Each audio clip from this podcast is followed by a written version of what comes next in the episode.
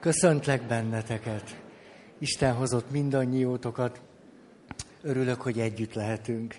Innen üdvözöljük azokat, akik reményeink szerint valahol az országnak valamely más pontján néznek bennünket és követnek minket.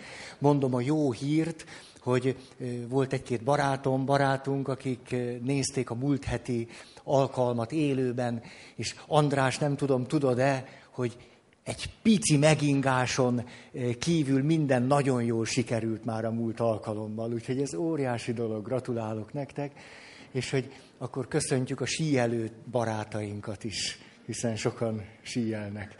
Na tehát, ott tartunk, összeolvadtság, éretlenség, belső világa. Először is mondtuk azt, hogy az összeolvadtság és éretlenség úgy viszonyulnak egymáshoz, hogy nincsen összeolvadtság éretlenség nélkül, de éretlenség éppenséggel létezik összeolvadtság nélkül.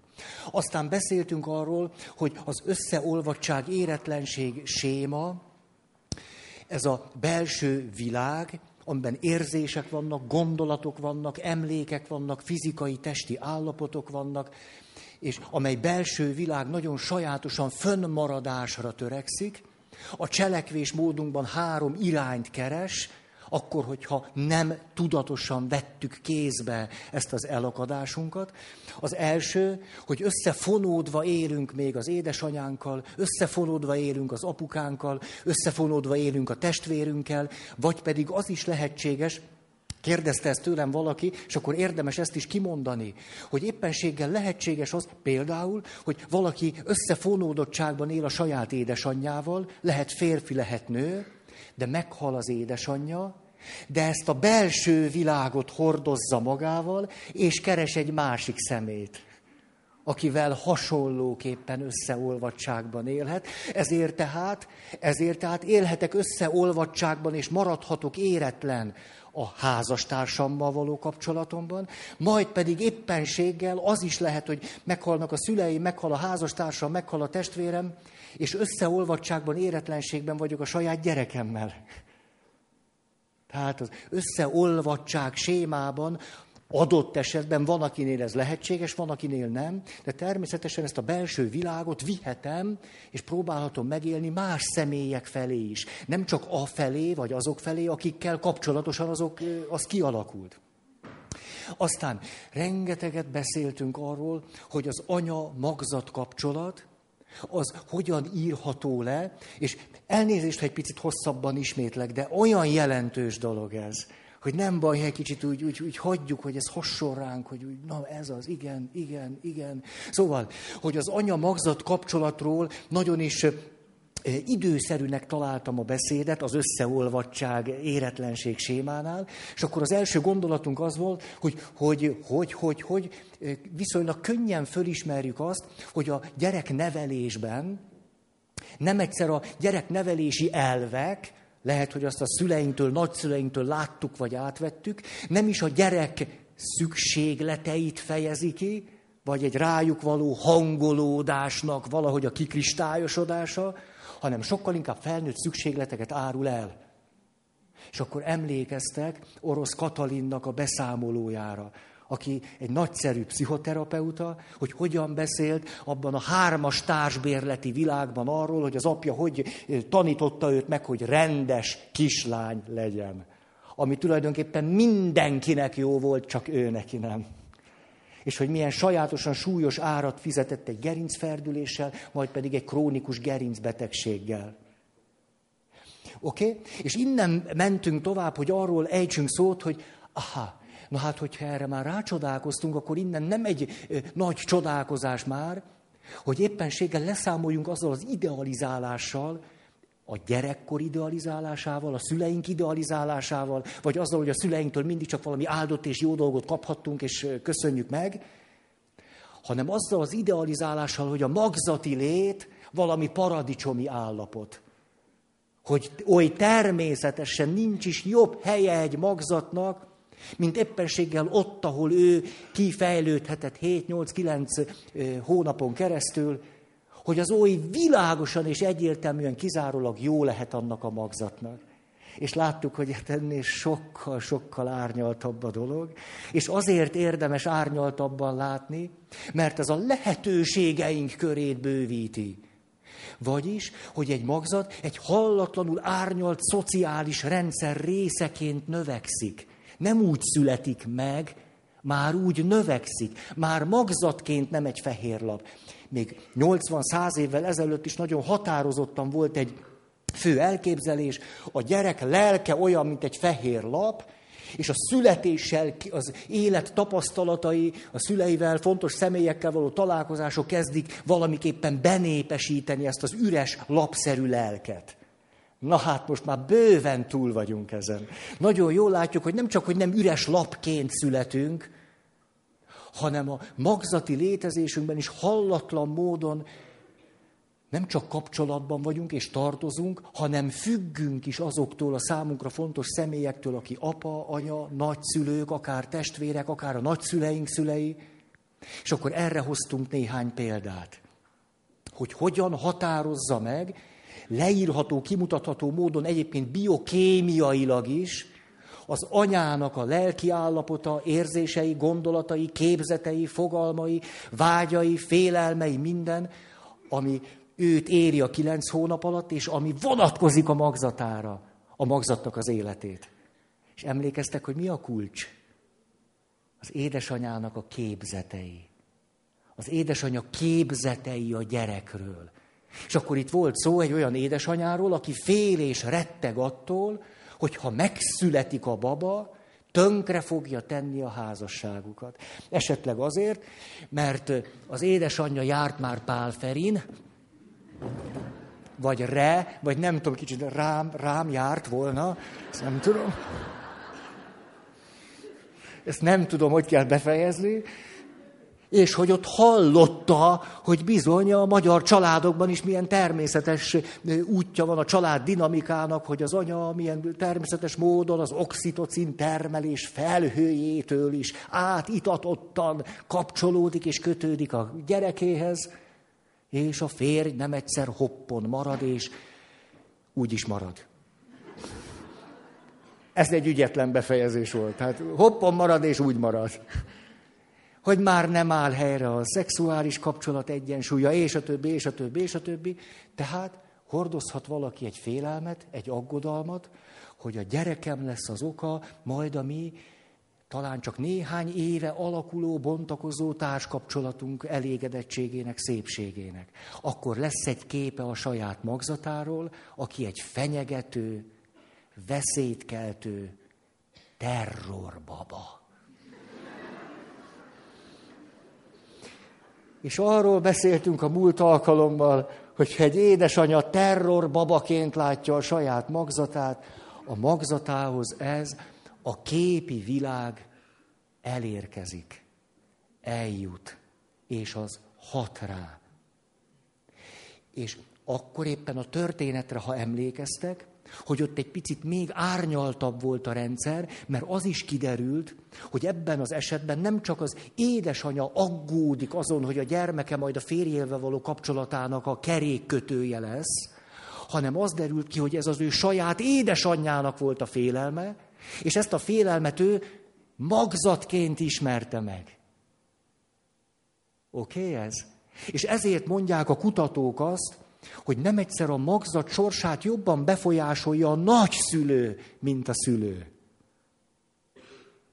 Ilyen értelemben mondhatjuk, hogy egy nagyszülő, mert az ő félelmét az anya átéli magzatként, majd amikor ő várja a pici babáját, ez a félelem is aktívvá válhat. Ez az élet tapasztalata. Tehát beszéltünk arról, hogy látjátok, nem, hogy nem fehér lap, hanem egy nagyon árnyalt rendszerbe fogam meg egy pici baba, egy magzat, és hogy növekszik föl, szó sincs róla, hogy azt a helyzetét idealizálnunk kellene. És akkor szót ejtettünk az apához fűződő viszonyról hogy milyen árnyaltan és mennyire valóságosan része az anya belső világának az, ahogyan a férjével van de most már ezt nem ragozom. Aztán jött valaki oda, és kérdezte a múltkori alkalom után, hogy na jó, de hát hogy lehet ezt, ezt kutatni? hogy beszéltünk kutatási eredményekről, hogy a nem várt gyerekek és a várt gyerekek hogy a nem várt gyerekeknél sokkal, sokkal, sokkal gyakoribb koraszülés, sokkal gyakoribb szociális zavarok, elégedetlenség az élettel, és aztán munkahelyi konfliktus, boldogtalanság, társkapcsolati nehézség, tik, tik, tik, tik, mint a várt gyerekeknél. Hogy hogy lehet pont erre visszavezetni azt. Mondanék, hogy nagyon egyszerű megközelítést, mert éppenséggel amikor a beszélgetésnek, a gyógyító folyamatnak, a terápiának a középpontjába a magzati élmények kerülnek, korai anya-gyerek kapcsolat, és ott történik valami változás, egyszer csak kihatással lesz az egész életre. Akkor tehát láthatjuk, hogy itt volt valami, mert amikor ebben történt valami föloldás, valami gyógyulás, egy csapásra az életnek látszólag nem közvetlenül kapcsolódó területei kezdenek elrendeződni és gyógyulni. Hát akkor láthatjuk, hogy itt volt valami nagyon világos, reális összefüggés. Helyhaj. Ezekről gyertek. Hú, de hova tudtok ülni? Ja, ja külön helyre ültök, el vagytok választva. És akkor ennek kapcsán beszéltünk még egy dologról. Emlékeztek erre, hogy milyen nehéz azoknak az anyáknak és azoknak a magzatoknak a helyzete, ahol az anya egyszerre várja a babát, és egyszerre gyászol valakit. Hogy két nagyon erős, reális, érthető érzés és indítatás van benne, sírni, siratni, a veszteséget átélni, örülni, várni,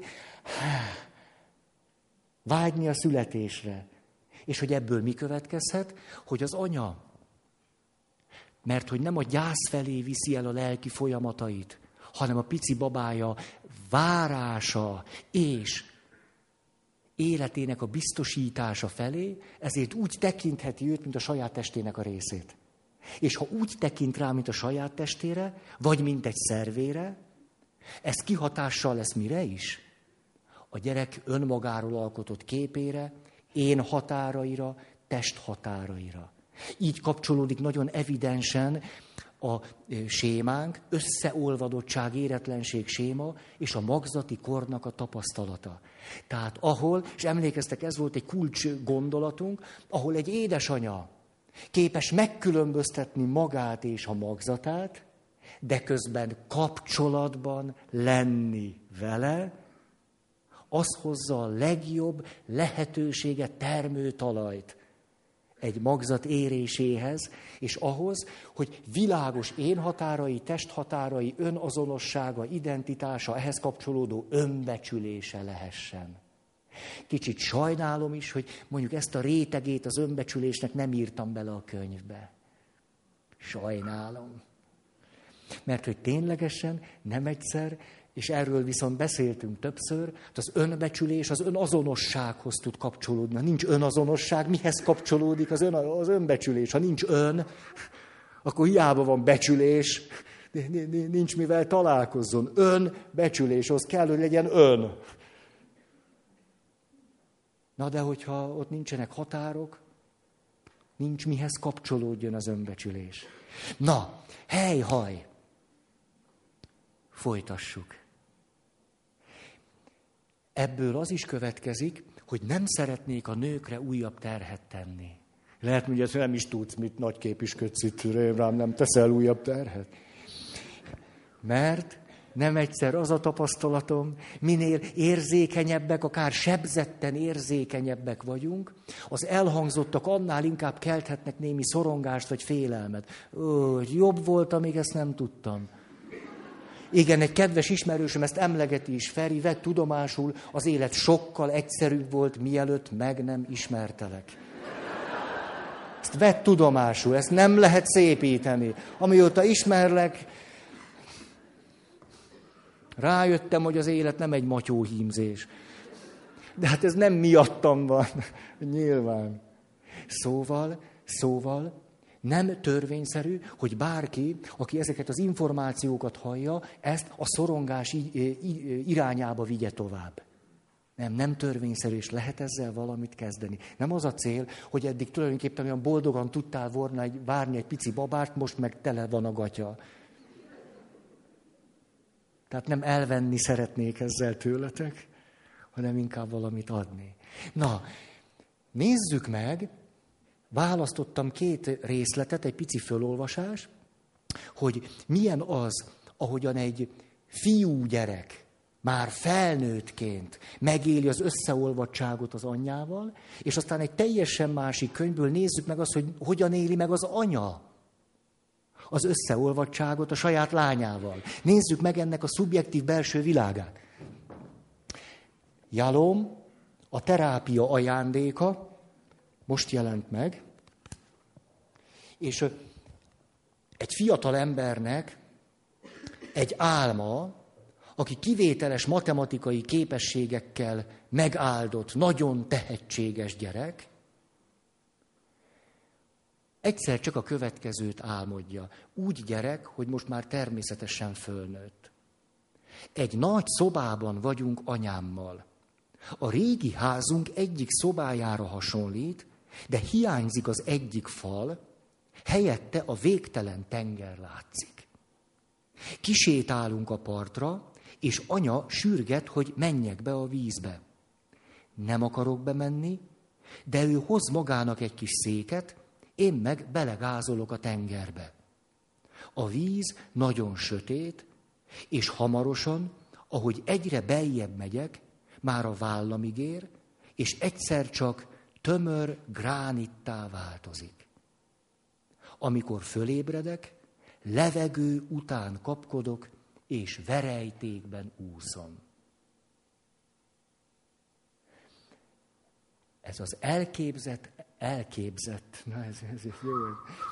Az elképzelt elszakadástól való félelem és rettegés. Halál félelemig menő félelem és rettegés, hogy elváljak, elszakadjak a saját édesanyámtól. Miközben ez a férfi egyáltalán nem tudatosan éli meg ezt a félelmét. A terápia során a terapeuta kérdezte tőle, hogy van a félelme vagy halálfélelme, és az volt a válasz, hogy nincs. És közben a halálfélelme az édesanyjától való elszakadására vonatkozik. És egy álomban nagyon világosan megjelenik. Ezért, hogyha álmodtok, csak úgy mondom, nem csak az az érdekes, hogy mit álmodsz, hanem az is, hogy amikor fölébredsz, akkor milyen érzésekkel ébredsz.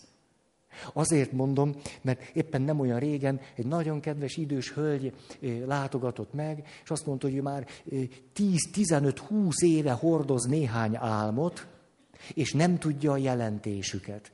És az álmokban ő mindig vagy Jézussal, vagy Máriával találkozott. És mindig, amikor fölébredt, akkor ez egy nagyon békés, megnyugtató, valahogy egy áldást hozó, védettséget képviselő érzést keltett benne. Tulajdonképpen nem is kellett volna eljönnie hozzám. Azért, mert ha valaki tudja, hogy történik egy találkozás, például egy elhunyt személlyel, és az elhunyt személlyel való találkozás egy békességet hoz, akkor ennek a békességnek nyugodtan hihetünk. Az egy nagyon fontos üzenet a lelkünk mélyéről. Itt pedig látszólag magában az álomban alig történik valami, ugye, csak úgy a tenger, és aztán valami gránitfallá lesz, de ahogy fölébred, az nagyon beszédes. Minél messzebb megyek az anyámtól, látok egy áthatolhatatlan falat, és közben rettegés, halálfélelem verejtékben úszom. Anyától való eltávolodástól. Jó? És most nézzük akkor a fordítottját. Egy édesanyja beszámolója, az édesanyja körülbelül 60 éves, a lánya 27. Elvált az édesanyja a férjétől, ketten növekedtek együtt, igen ám, de egy nagyon sajátos, szoros kapcsolat és kötődés alakult ki, túlságosan is szoros kötődés és kapcsolat, inkább valamiféle összeolvadtság, amiből az anya semmit nem érzékel. Ezért érdemes felolvasni. Semmit nem érzékel, és tulajdonképpen a lánya se nagyon. Igen ám, de az történik, hogy 27 éves korában a lány már fiatal házasként elfogad egy külföldi munkalehetőséget, és az édesanyja számára döbbenetesen váratlan módon az utazás előtti éjszaka beolvas neki. Elmondja a fájdalmait, a kritikáját, a sérelmeit, az elégedetlenségét, a haragját, mindent, és az édesanyja döbbenetes módon elcsodálkozik ezen, mert őben a kettejű kapcsolata nem így élt. Úgy élt, hogy ők egy harmonikus, sőt meghitt, nagyszerű kapcsolatban vannak, kölcsönösen számíthatnak egymásra és a többi. És nem ért, hogy a lánya hogy volt képes így időzíteni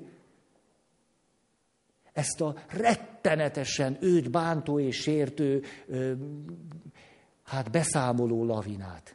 Majd a lány a férjével fiatal házasként fölül a gépre és elmegy, az anya pedig tulajdonképpen egy jó irányba viszi a dolgait, elmegy és segítséget kér egy terapeutától.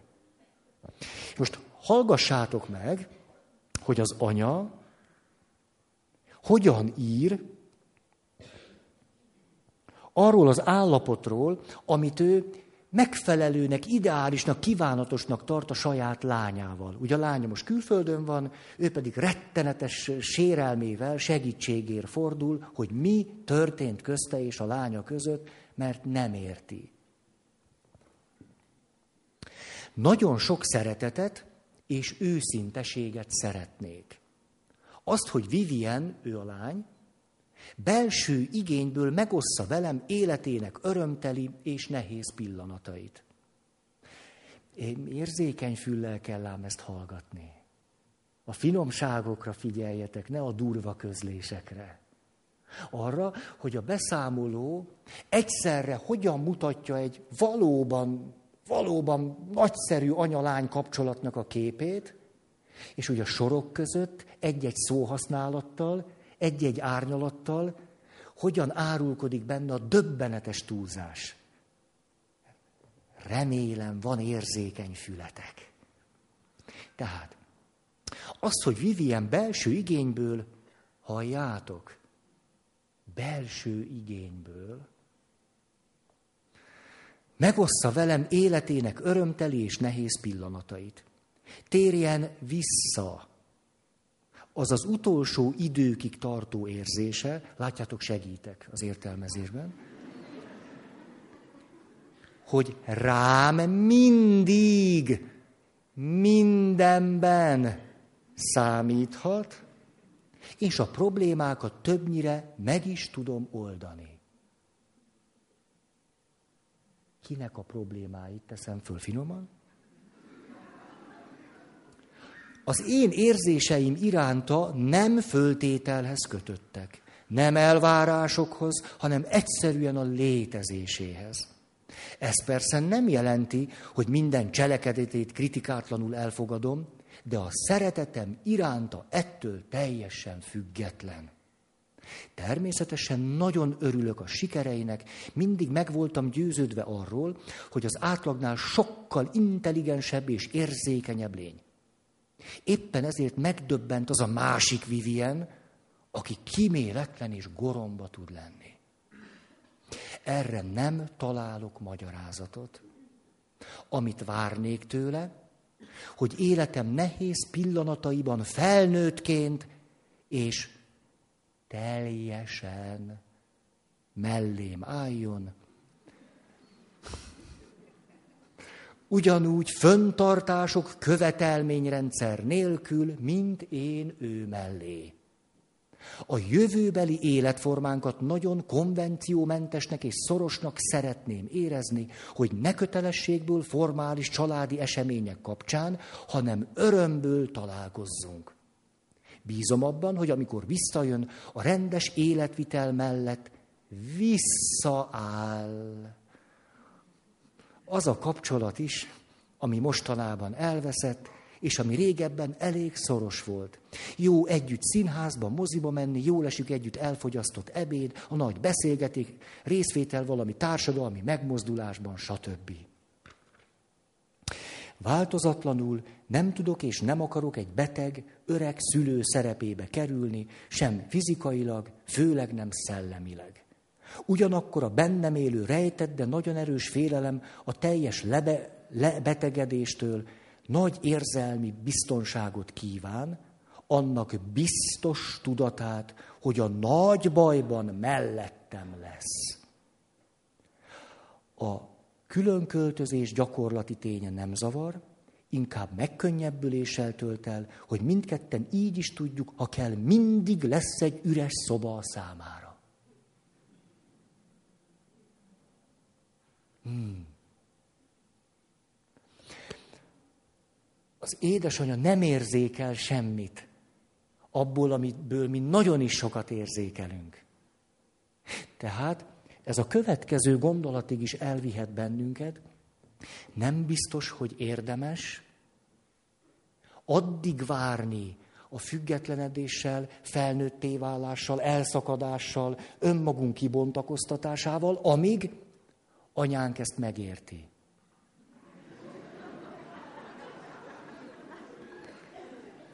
Helyesli. Ha nem is helyesli, elfogadja, bátorítja, engedélyt ad rá. Nem érdemes eddig várni. Tehát egy óriási kihívás lehet annak, aki összeolvadottság, éretlenség sémában van, hogy lemondjon arról a saját biztonság érzetéről, békességéről, nyugalmáról, hogy úgy lehetek egyre függetlenebb, szabadabb, felnőttebb, hogy az anyám erre engedélyt adott nekem. Tehát, tehát az a, az a nagy teljesítmény, amikor képesek vagyunk ezeket az első önálló lépéseinket megtenni, annak a félelmével, szorongásával, veszélyeztetettség érzetével, hogy az anyánk erre nem adott nekünk engedélyt. És akkor pedig kifejezetten nagy emberi teljesítmény, ha tudjuk, hogy nem csak, hogy nem adott engedélyt rá, hanem szomorú miatta, dühös miatta, csalódott miatta, értetlen miatta, elhagyatottnak érzi magát, fenyegetve érzi magát, és a többi. Nagyon gyakran megjelenik ez a motívum, ahogyan ebben a történetben is, az anyának a félelme, hogy egyedül marad. Az egyedül maradástól való félelem. Miközben egyébként pontosan ezek a fiúk és lányok egyáltalán nem engedik meg maguknak, hogy egyedül maradjon az anyjuk. Tehát nyilvánvalóan az anyjuk számíthat rájuk, de itt a félelem mégis fölfokozott. Olyan öm, természetes a félelem, hogy, hogy egyedül, egyedül maradunk, és, és valahogy védtelenek, oltalom nélkül. Olyan természetes ez. És annyira nem is könnyű a határt érzékelni, hogy, hogy ez valami természetes félelem, amin túl tudunk jutni, vagy ki tudjuk nőni, vagy pedig valami túlburjánzó dolog. Emlékszem, amikor édesanyám haldoklott, akkor hogyan támadtak föl benne egyébként a nagyon sokakra természetes, de bizonyos szempontból egészen irreális, fölfokozott félelmek. Például, hogy emlékszem, akkor rákos volt már anyukám, és beszélgettünk arról, hogy hogy lesz majd a temetése. És akkor Emlékszem, hogy többször elmondta nekem, hogy de Ferikém, légy szíves, hogy ha e, itt leszel, amikor meghalok, vagy el tudsz ide jönni, és még nem visznek el, akkor mindenképpen egy tükröt tegyél a számhoz, hogy nehogy élve temessenek el. Hogy te légy szíves, győződj meg arról, hogy engem nem, nem, nem leszek majd egyedül egy koporsóban egyszer, csak nem, nem úgy ébredek. Egy egészen fölfokozott irreális félelem a haláltól, az egyedülléttől, az egyedülmaradástól. De emlékszem, hogy anyukám, és nagyon örülök, hogy ezt kimondta. Nagyon jó, mert valószínűleg azzal, hogy kimondta, úgy el is tudta engedni. Aztán emlékszem, egyszer csak megjelent benne egy, egy másik kósza félelem, hogy, hogy Ferikém, hát, jaj, hát, hát, hogy olyan jó lenne, hogyha te végig kísérnél engem az utamon, hogy, hogy akkor a holtestemet fognád, és akkor valahogy látnád, hogy, hogy akkor engem, engem hova visznek, és hogy akkor, akkor haj, az olyan jó lenne. Milyen, milyen mély vágya tud lenni egy édesanyának arról, hogy a fia legyen vele vagy mellette. Ne, ne kelljen egyedül lenni. És hogy mennyire nem is könnyű látni, érzékelni a határt, vagy kinőni az irreálisnak a határát, és akkor egy reális félelemmel lenni. Egyáltalán nem könnyű. Tehát amiről beszélünk, nem az édesanyáknak a bántatása. Szó sincs róla. Mert az a tapasztalat, érdekes, egy családterapeuta ezt nagyon egyszerűen fogalmazta meg. Azt mondja, nagyon sok nő körbenéz a világban, és akar magának egy férfit. Sokaknak ez nem sikerül. És gyakran azoknak nem sikerül, akik nem tudják maguk mellett az anyjukat. Hogy egy nőnek akkor van nagy reménye, esélye, ha amikor férfi után néz, az anyját maga mellett tudhatja. Ó, mindenkiben más érzéseket kelt ez. Hmm. Az, hogy egy nő az anyját maga mellett tudhatja, ez nem föltétlenül jelenti azt, hogy harmonikus kellett, hogy legyen a kapcsolatuk, gondtalan, kellett, hogy várja, hanem hogy valamiképpen elrendezett a kapcsolat. Valamiképp elrendezett. Akkor is magam mellett tudhatom az anyámat, ha sok mindent nem kaptam meg tőle. De ha elrendeztem, akkor tudhatom, hogy ő hol van. És hogy nekünk közünk van, kapcsolatunk van egymással. Tehát nem az ideális kapcsolatra van szükségünk, hanem ennek a sajátos elrendezettségnek a tudatára. Jó, és akkor még egy gondolat, amit ismételnék, aztán megyünk megint tovább, hogy ezért nagyon sok kapcsolatban konfliktust szül az, hogyha valaki nem elég érett, nem elég autonóm, nincsen meg a saját én határa, nem világosak a test határai, nincsen megfelelő önazonosság és önbecsülés, hogyan próbálhatja meg egy természetes módon mindezt magában megszilárdítani, azzal, hogy nemet mond a férjének és a feleségének. Hogy nemet mond, hogy tiltakozik, hogy azt mondja, nem, hogy neki semmi se jó, mert a nemmel jól lehet határokat húzni. És közben a kapcsolatnak nagyon a kárára mehet. Na nézzük akkor tovább. Ezt elmondtam, ügyes vagyok. Na most.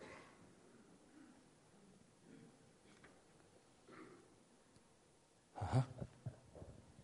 Nézzük csak.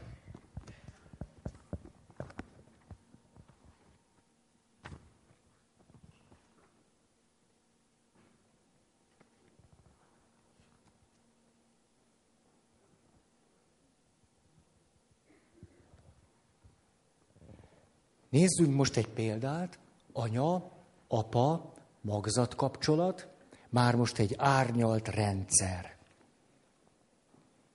Fanni egyike azoknak a röntgen szemű kismamáknak, akik minden alkalommal élesen látják a gyermeküket.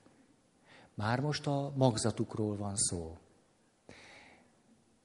Itt megállnék egy picit, hogy hogy olyan nagy dolog, emlékeztek, beszéltünk arról, hogy az anya magzat kapcsolatban, de fontos, hogy az anya ne csak a magzatáról beszéljen, hanem a magzatával beszéljen, és ahogyan neveli a gyereket, akkor ne a gyerekéhez beszéljen, hanem a gyerekével beszéljen.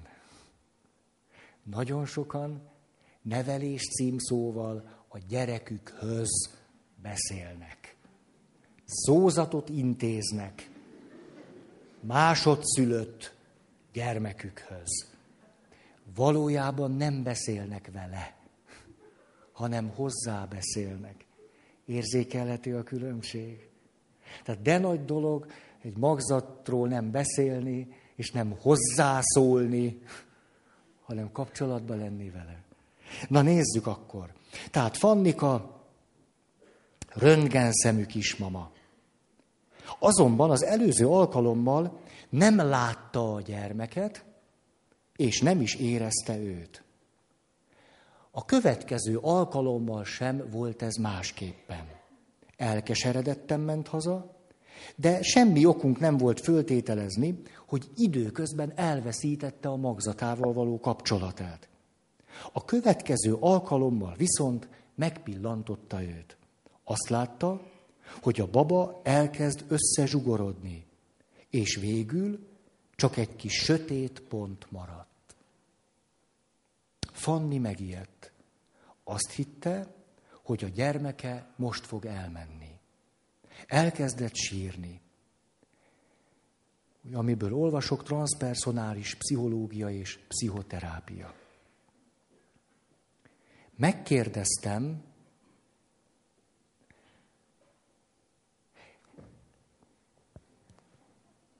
itt hagyom abba, ha ti lennétek az ő segítői, mit kérdeznétek? Vagy mire gyanakodnátok? Hogy annak a belső képnek, hogy úgy látja, hogy a magzata egyszerre egyre kisebb és kisebb és kisebb lesz, és végül egy kis fekete ponttá zsugorodik, mi lehet a hátterében?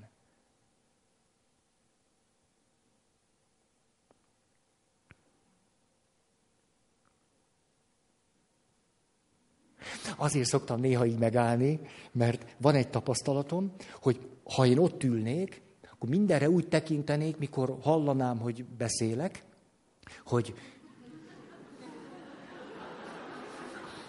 igen, hát valamennyi érzékenység kell a segítő foglalkozáshoz. És, hogy jaj, hát ez evidens, jaj, hát persze, jaj, jó van, persze, jaj, jaj. Most nem értem, ma sem mondott semmi igazán érdekesen. De ha néha megállunk, és azt mondjuk, hogy szerintetek ez hogy van, akkor rögtön kiderül, hogy nem is olyan egyértelmű. Hát ezért. Tudjátok is meg. Az se baj, ha nem mondjátok. Csak hogy úgy, mi, mi, mi a fantáziátok mögé. Önmagát okolja valamiért, hogy bűntudata van, és a bűntudat milyen. Hm? Hm? Próbálom úgy, hogy ne látszódjon rajtam semmi.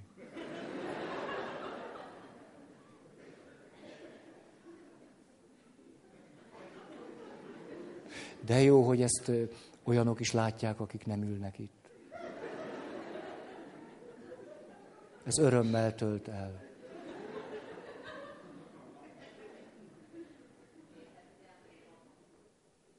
Igen. Ez is lehet.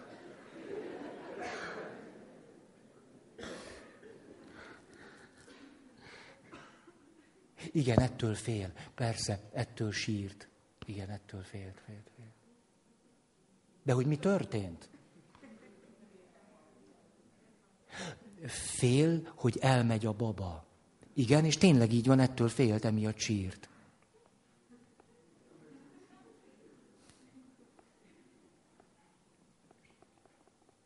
Na, köszönöm, hogyha gondolkodtatok ezen. Legkomolyabban, nem, nem hülyéskedek, tényleg, az olyan, na, köszönöm, mert valamit együtt csináltunk. Azt mondja. Megkérdeztem, hogy az utóbbi időben is ugyanannyit foglalkozott-e a babájával, mint korábban. Nemmel válaszolt. Vizsga időszaka volt, a vizsgáira készült, és sokat izgult. Akkor nem bűntudat, izgalom. Ekkor arra kértem, hogy a következőket mondja a babájának. Most azt mutattad be nekem, hogy én téged az utóbbi időben szem elől tévesztettelek.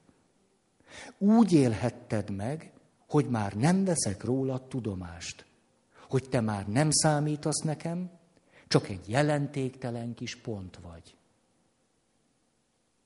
Annak ellenére, hogy kevesebbet gondoltam rád, az utóbbi időben nagyon szeretlek, és fontos vagy nekem. A baba erre elkezdett mozogni, és ismét teljes terjedelmében érzékeltette és láttatta magát az édesanyjával.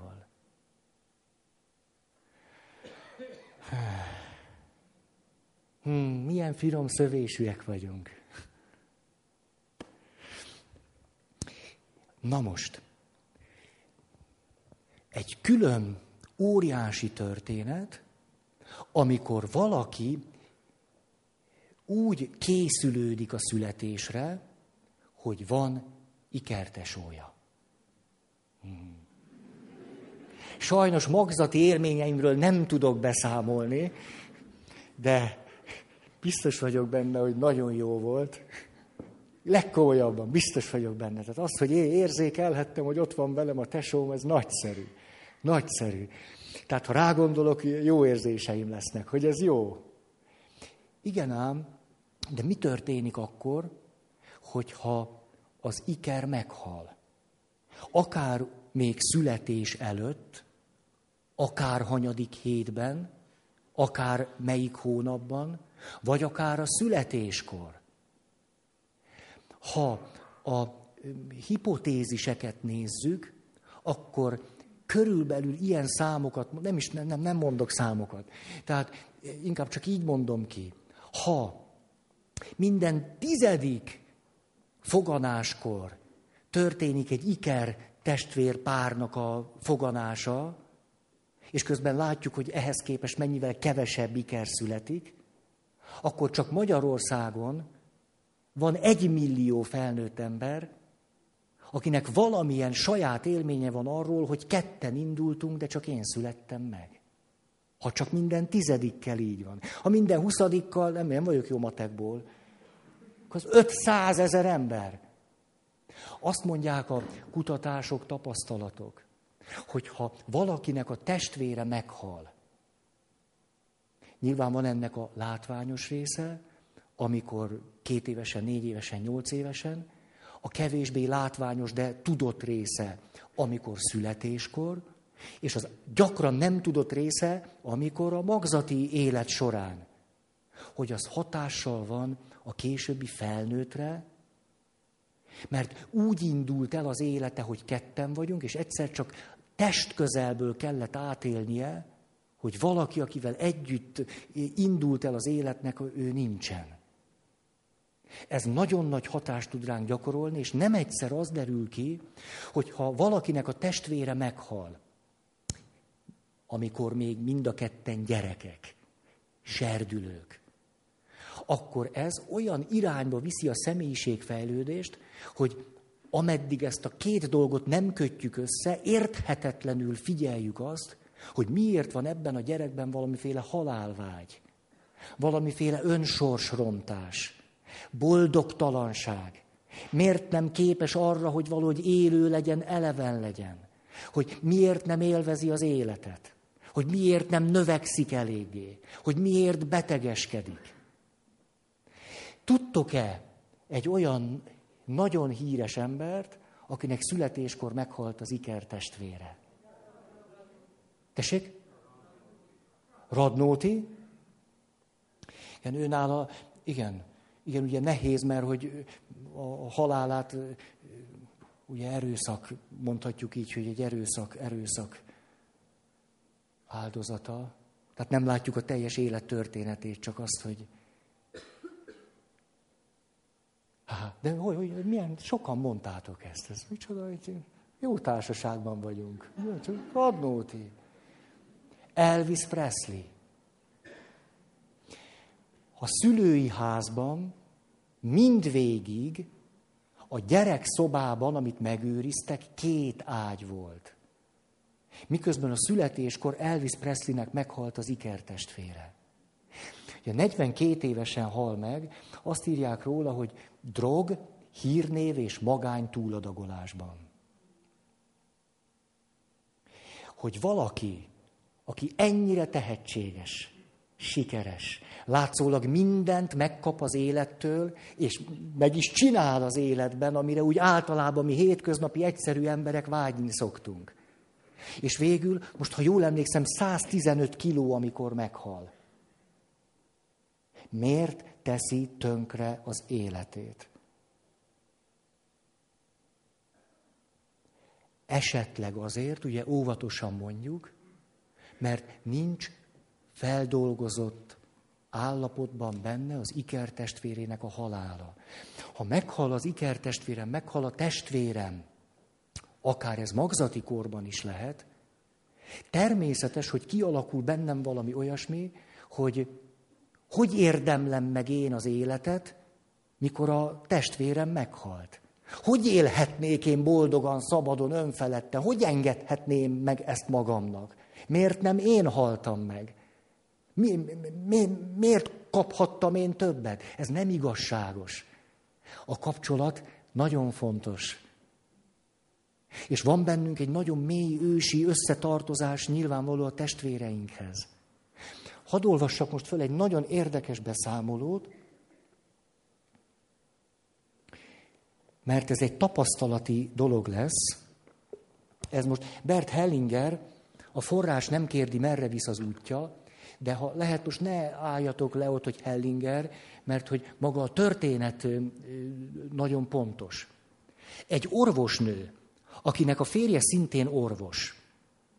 Kiegészítésképpen még szeretném elmondani, hogy a legfiatalabb gyermekem egypetéjű iker, akinek a testvére a terhesség hatodik hónap, hónapjában halt meg.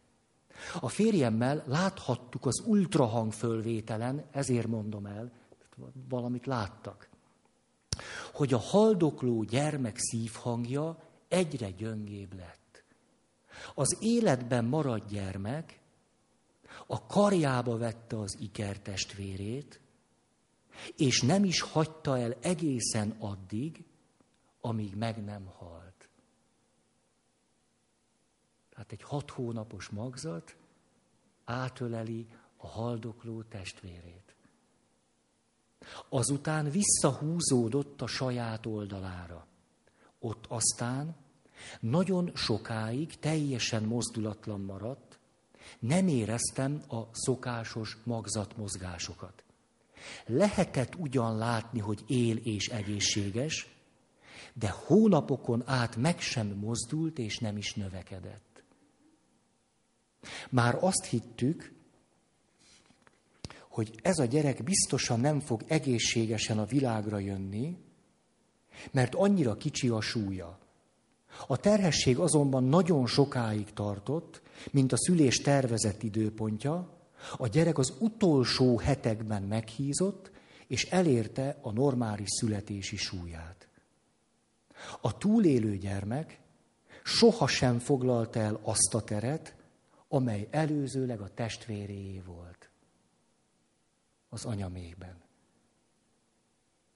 Ezt egyértelműen lehetett látni, amikor a terhesség már előre haladott volt.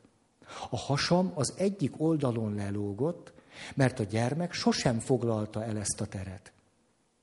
Addigra már kigondoltuk mindkettőjük nevét, és az élő gyermek megkapta valamennyit, tehát a halott testvérének szánt neveket is.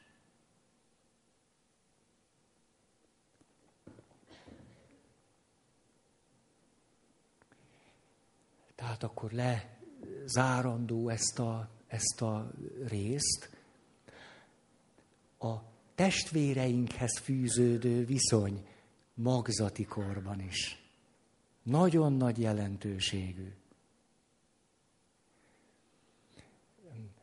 És milyen, hát talán érdekes lehet ez nektek, hogy magzatként a fizikai teret fölosztják egymás között, és nem megy át a halott testvérének a részére, és milyen gyakran történik az, például mi az ikertesommal is pontosan ugyanígy csináltuk, hogy mi is fölosztottuk az életnek a terét. Enyém lett ez a, ez a rész, tesómé meg a másik. És hogy külön 35-40 éves koromban kezdtem magamnak nagyon finom engedélyeket adni arra, hogy a világnak azt a részét is kezdjem egy picit belakni, ami a, én bennem úgy élt, hogy az a testvéremnek a része. Erre hoztam néhány évvel ezelőtt példának, de tudom, hogy arra nem emlékszik senki, tehát ezért merem mondani. Közben múltkor kiderült, hogy nyugodtan mondhatok bármit, mert a jótékony feledés homája, hogy például a testvérem női illatszerekkel, kozmetikumokkal kereskedik. Én nem léptem be ebbe a világba, de nem mondanám, hogy egy kicsit is beléptem volna ebbe a világba, de emlékszem, amikor 21-22 évesek voltunk, praktikus okokból együtt laktunk. Mielőtt én elmentem volna a szemináriumba. Ja, milyen érdekes. Sokáig nem, de akkor volt körülbelül egy év, amikor együtt laktunk, és nyáron, mikor a hűtőszekrényből szerettem volna kivenni egy pocak kímélő joghurtot, akkor rám dőltek a rúzsok. Amelyeket az áldott hidegre tett, hogy nehogy elolvadjanak. Tényleg nem egyszer a hűtőben egyáltalán nem volt étel, csak rúzs. Ez egy leendő papnövendék számára elég érdekes látványt nyújtott. De például, mert hogy tesóm ugye kereskedett, teljesen idegen volt tőlem az, hogy bemenni egy boltba, különösebben vásárolni. Még ételt igen, de ruhát. Egyszerűen nem vettem magamnak ruhát. 35-40 éves koromban mentem el úgy, úgy szinte életemben először egy, egy boltba, hogy vegyek magamnak egy inget. 35-40 évesen. És kérdezhetnek, hogy miben, miben jártál? Hülye vagy? Hát miben jártál? És ezzel most nagyon derülhettek, természetesen az Iker testvérem által kapott ingekbe. Mert a tesóm, ugye ebben is felosztottuk a világot, én cingár maradtam, ő pedig izmosodott. Ez egy blaszfémia most, és ezért aztán Iker testvérének nagyon is nagy segítséget nyújtva állandóan kinőtte a jobbnál jobb cuccait. És ezeket én karácsonyról karácsonyra megörököltem. És ténylegesen nem egyszer történt az, belenéztem a tükörbe, és azt kellett mondanom, hogy nem, hogy egyetlen ruhadarabot sem vettem saját magamnak, hanem mindegyiket a testvéremtől örököltem. Ezzel csak azt akartam nektek mondani, hogy eh, semmiféle tudatosság nem volt se bennem, sem a testvéremben, ahogy felosztottuk a világot. De amikor elkezdtem a szakirodalommal ismerkedni, akkor már rá tudtam csodálkozni, na, mennyire természetes mozgás ez. Hiszen már a magzat is azt mondja, ez az én részem, az a tiéd. És én oda nem megyek, mert az a te részed, az a te világod. Hmm.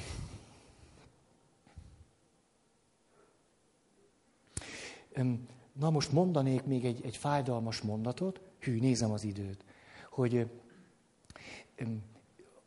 keresték a kutatók, hogy mi a közös pont azok között a kismamák között, akiknek a terhessége során, most terhesség, áldott állapot, várandóság, most nem figyelek annyira ezekre a szavakra, tehát az áldott állapota során komplikációk merülnek föl, nehézségek, vérzések, vagy újból-újból vetélések. Mi a közös pont ezek között az anyák között?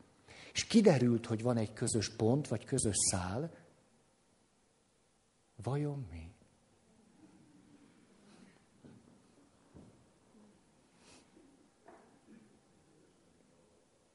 Igen, igen, van, aki teljes értelmével itt volt eddig.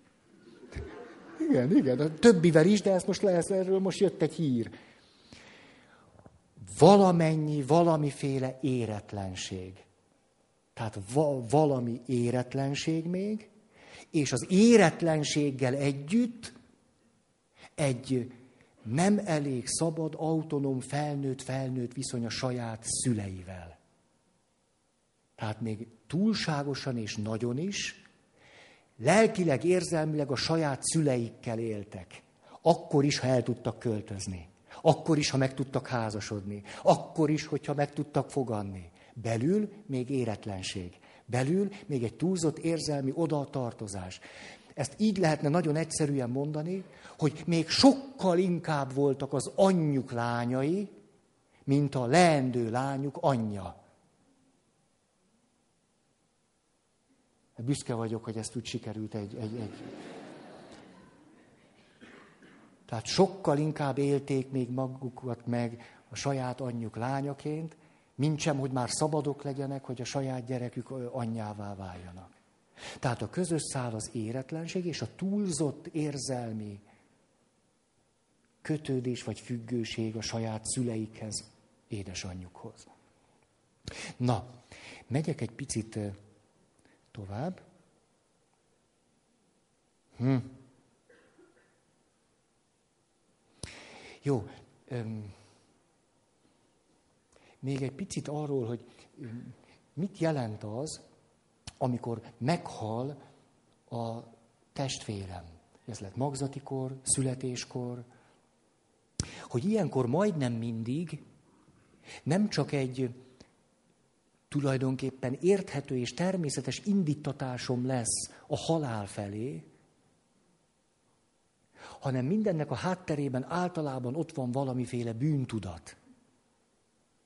Hogy miért én éltem túl.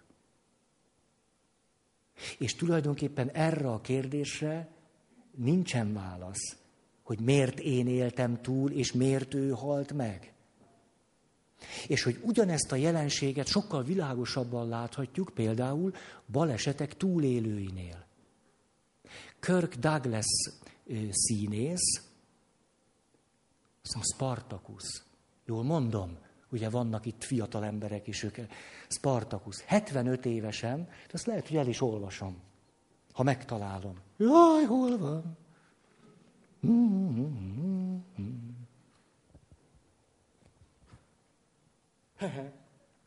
Ügyes, Feri, ügyes. Azt mondja, 1991. február 13-án 75 évesen, ezt írja, gyökerek nélkül nem lehet repülni, tehát 75 évesen, így írja, vallásos lett. Egy interjúban így számolt be erről. Los Angelesbe akartam repülni. Röviddel fölszállás után összeütközött a helikopterünk egy leszállóban lévő sportrepülővel. Dugó húzóban zuhantunk a kifutóra, 15 méter magasból. Ketten életüket veszítették az égő kerozinban. Egyikük csak 18 éves volt. Azóta bűnösnek érzem magam, amiért még életben vagyok. Voltam két pszichiáternél, nem tudtak segíteni. Nem tudtak új értelmet adni az életemnek.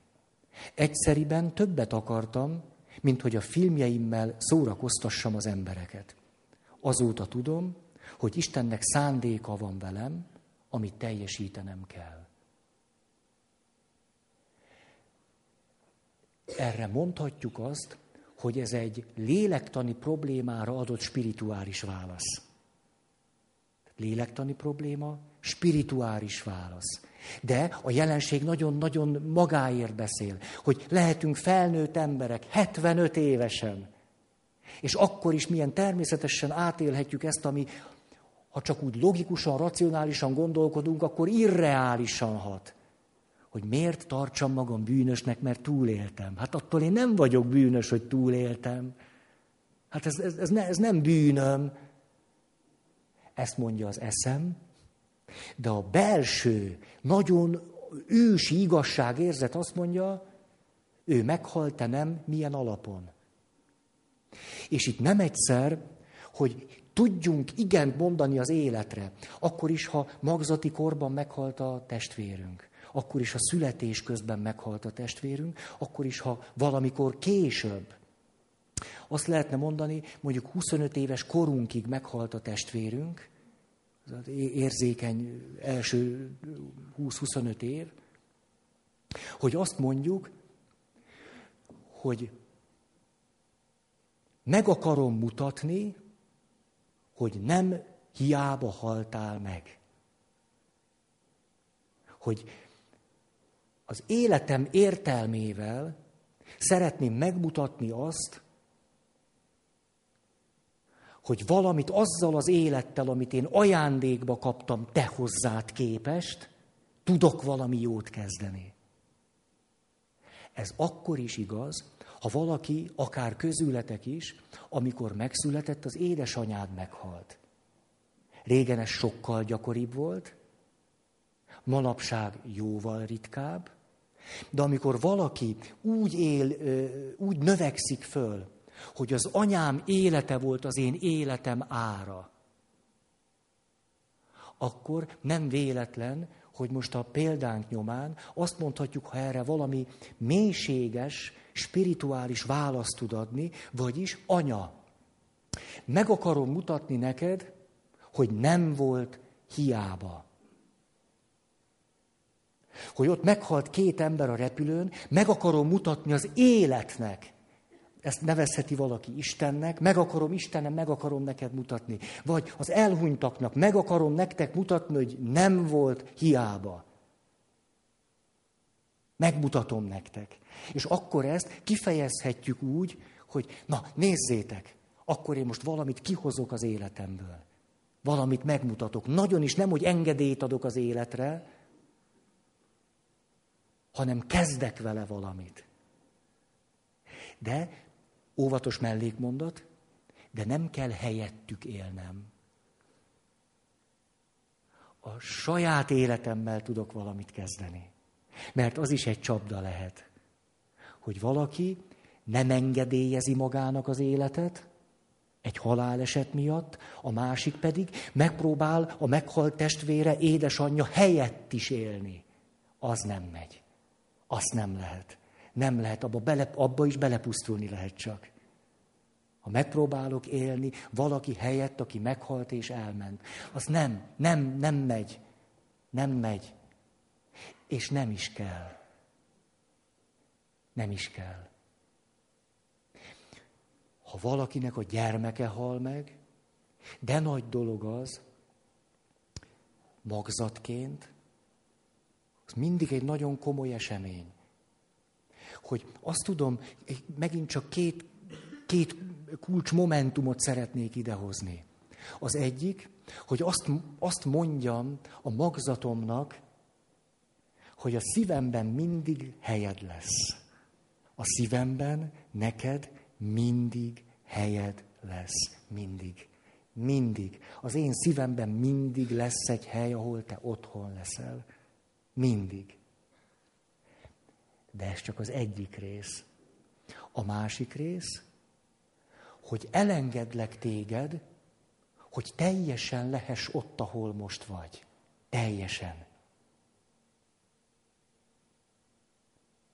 Mert a dinamikája ennek a helyzetnek, hogy az anya él és a gyermeke meghalt, hogyha nem engedem előtt, hogy ő ott legyen, akkor se én nem vagyok itt, se ő nincs ott. Senki sincs a helyén. Senki sincs sehol sem otthon. Tehát mindig lesz hely a szívemben neked, mindig.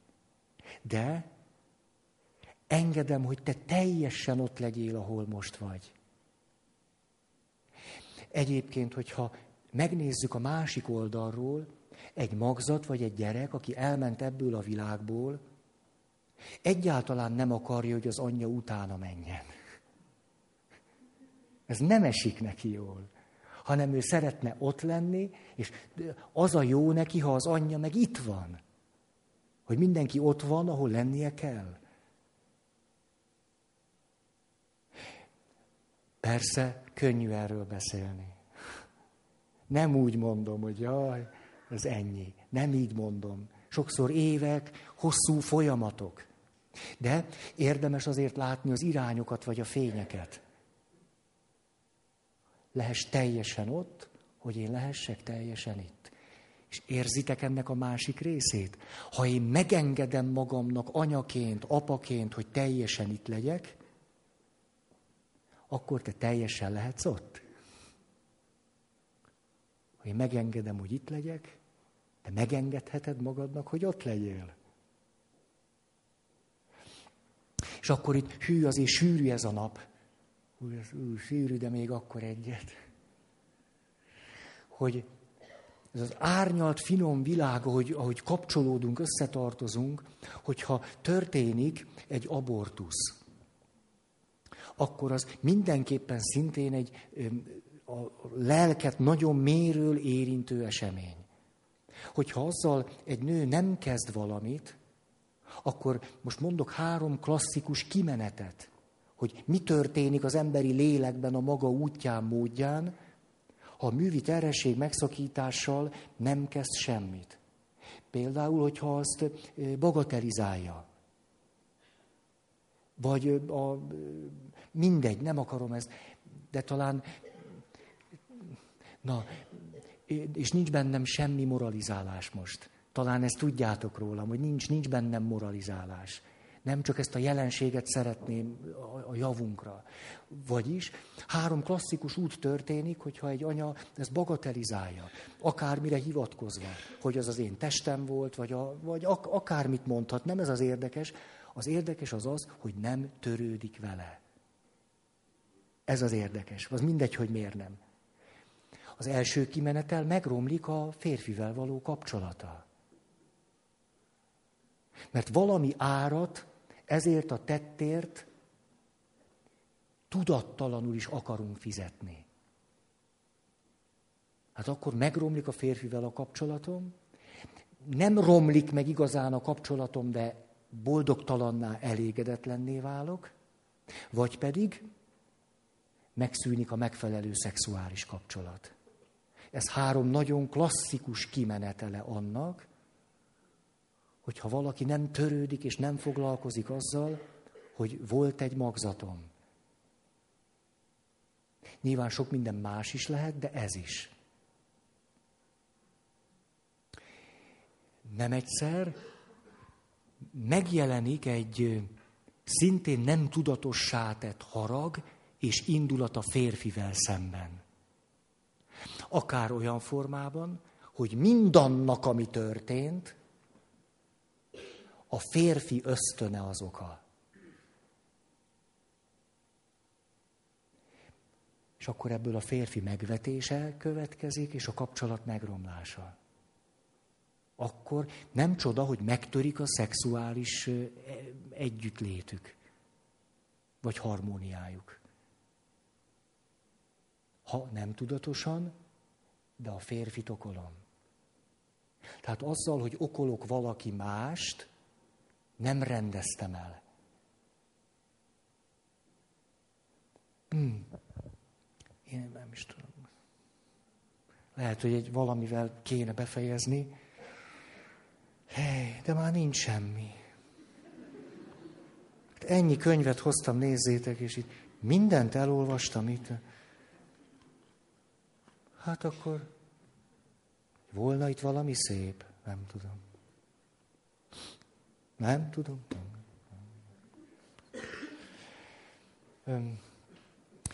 Fogunk szokás szerint imádkozni.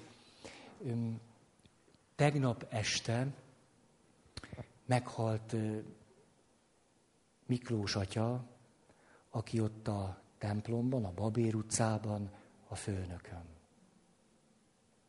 Váratlanul tegnap este. Most onnan jövök, hogy miséztünk érte, mindenki, aki egy nap alatt tudomás szerzett róla, ott volt, így is tele volt a templom. Ha lehet, imádkozzunk érte, mert ő, neki sokat köszönhetek, hogy szabadon jöhettem hozzátok.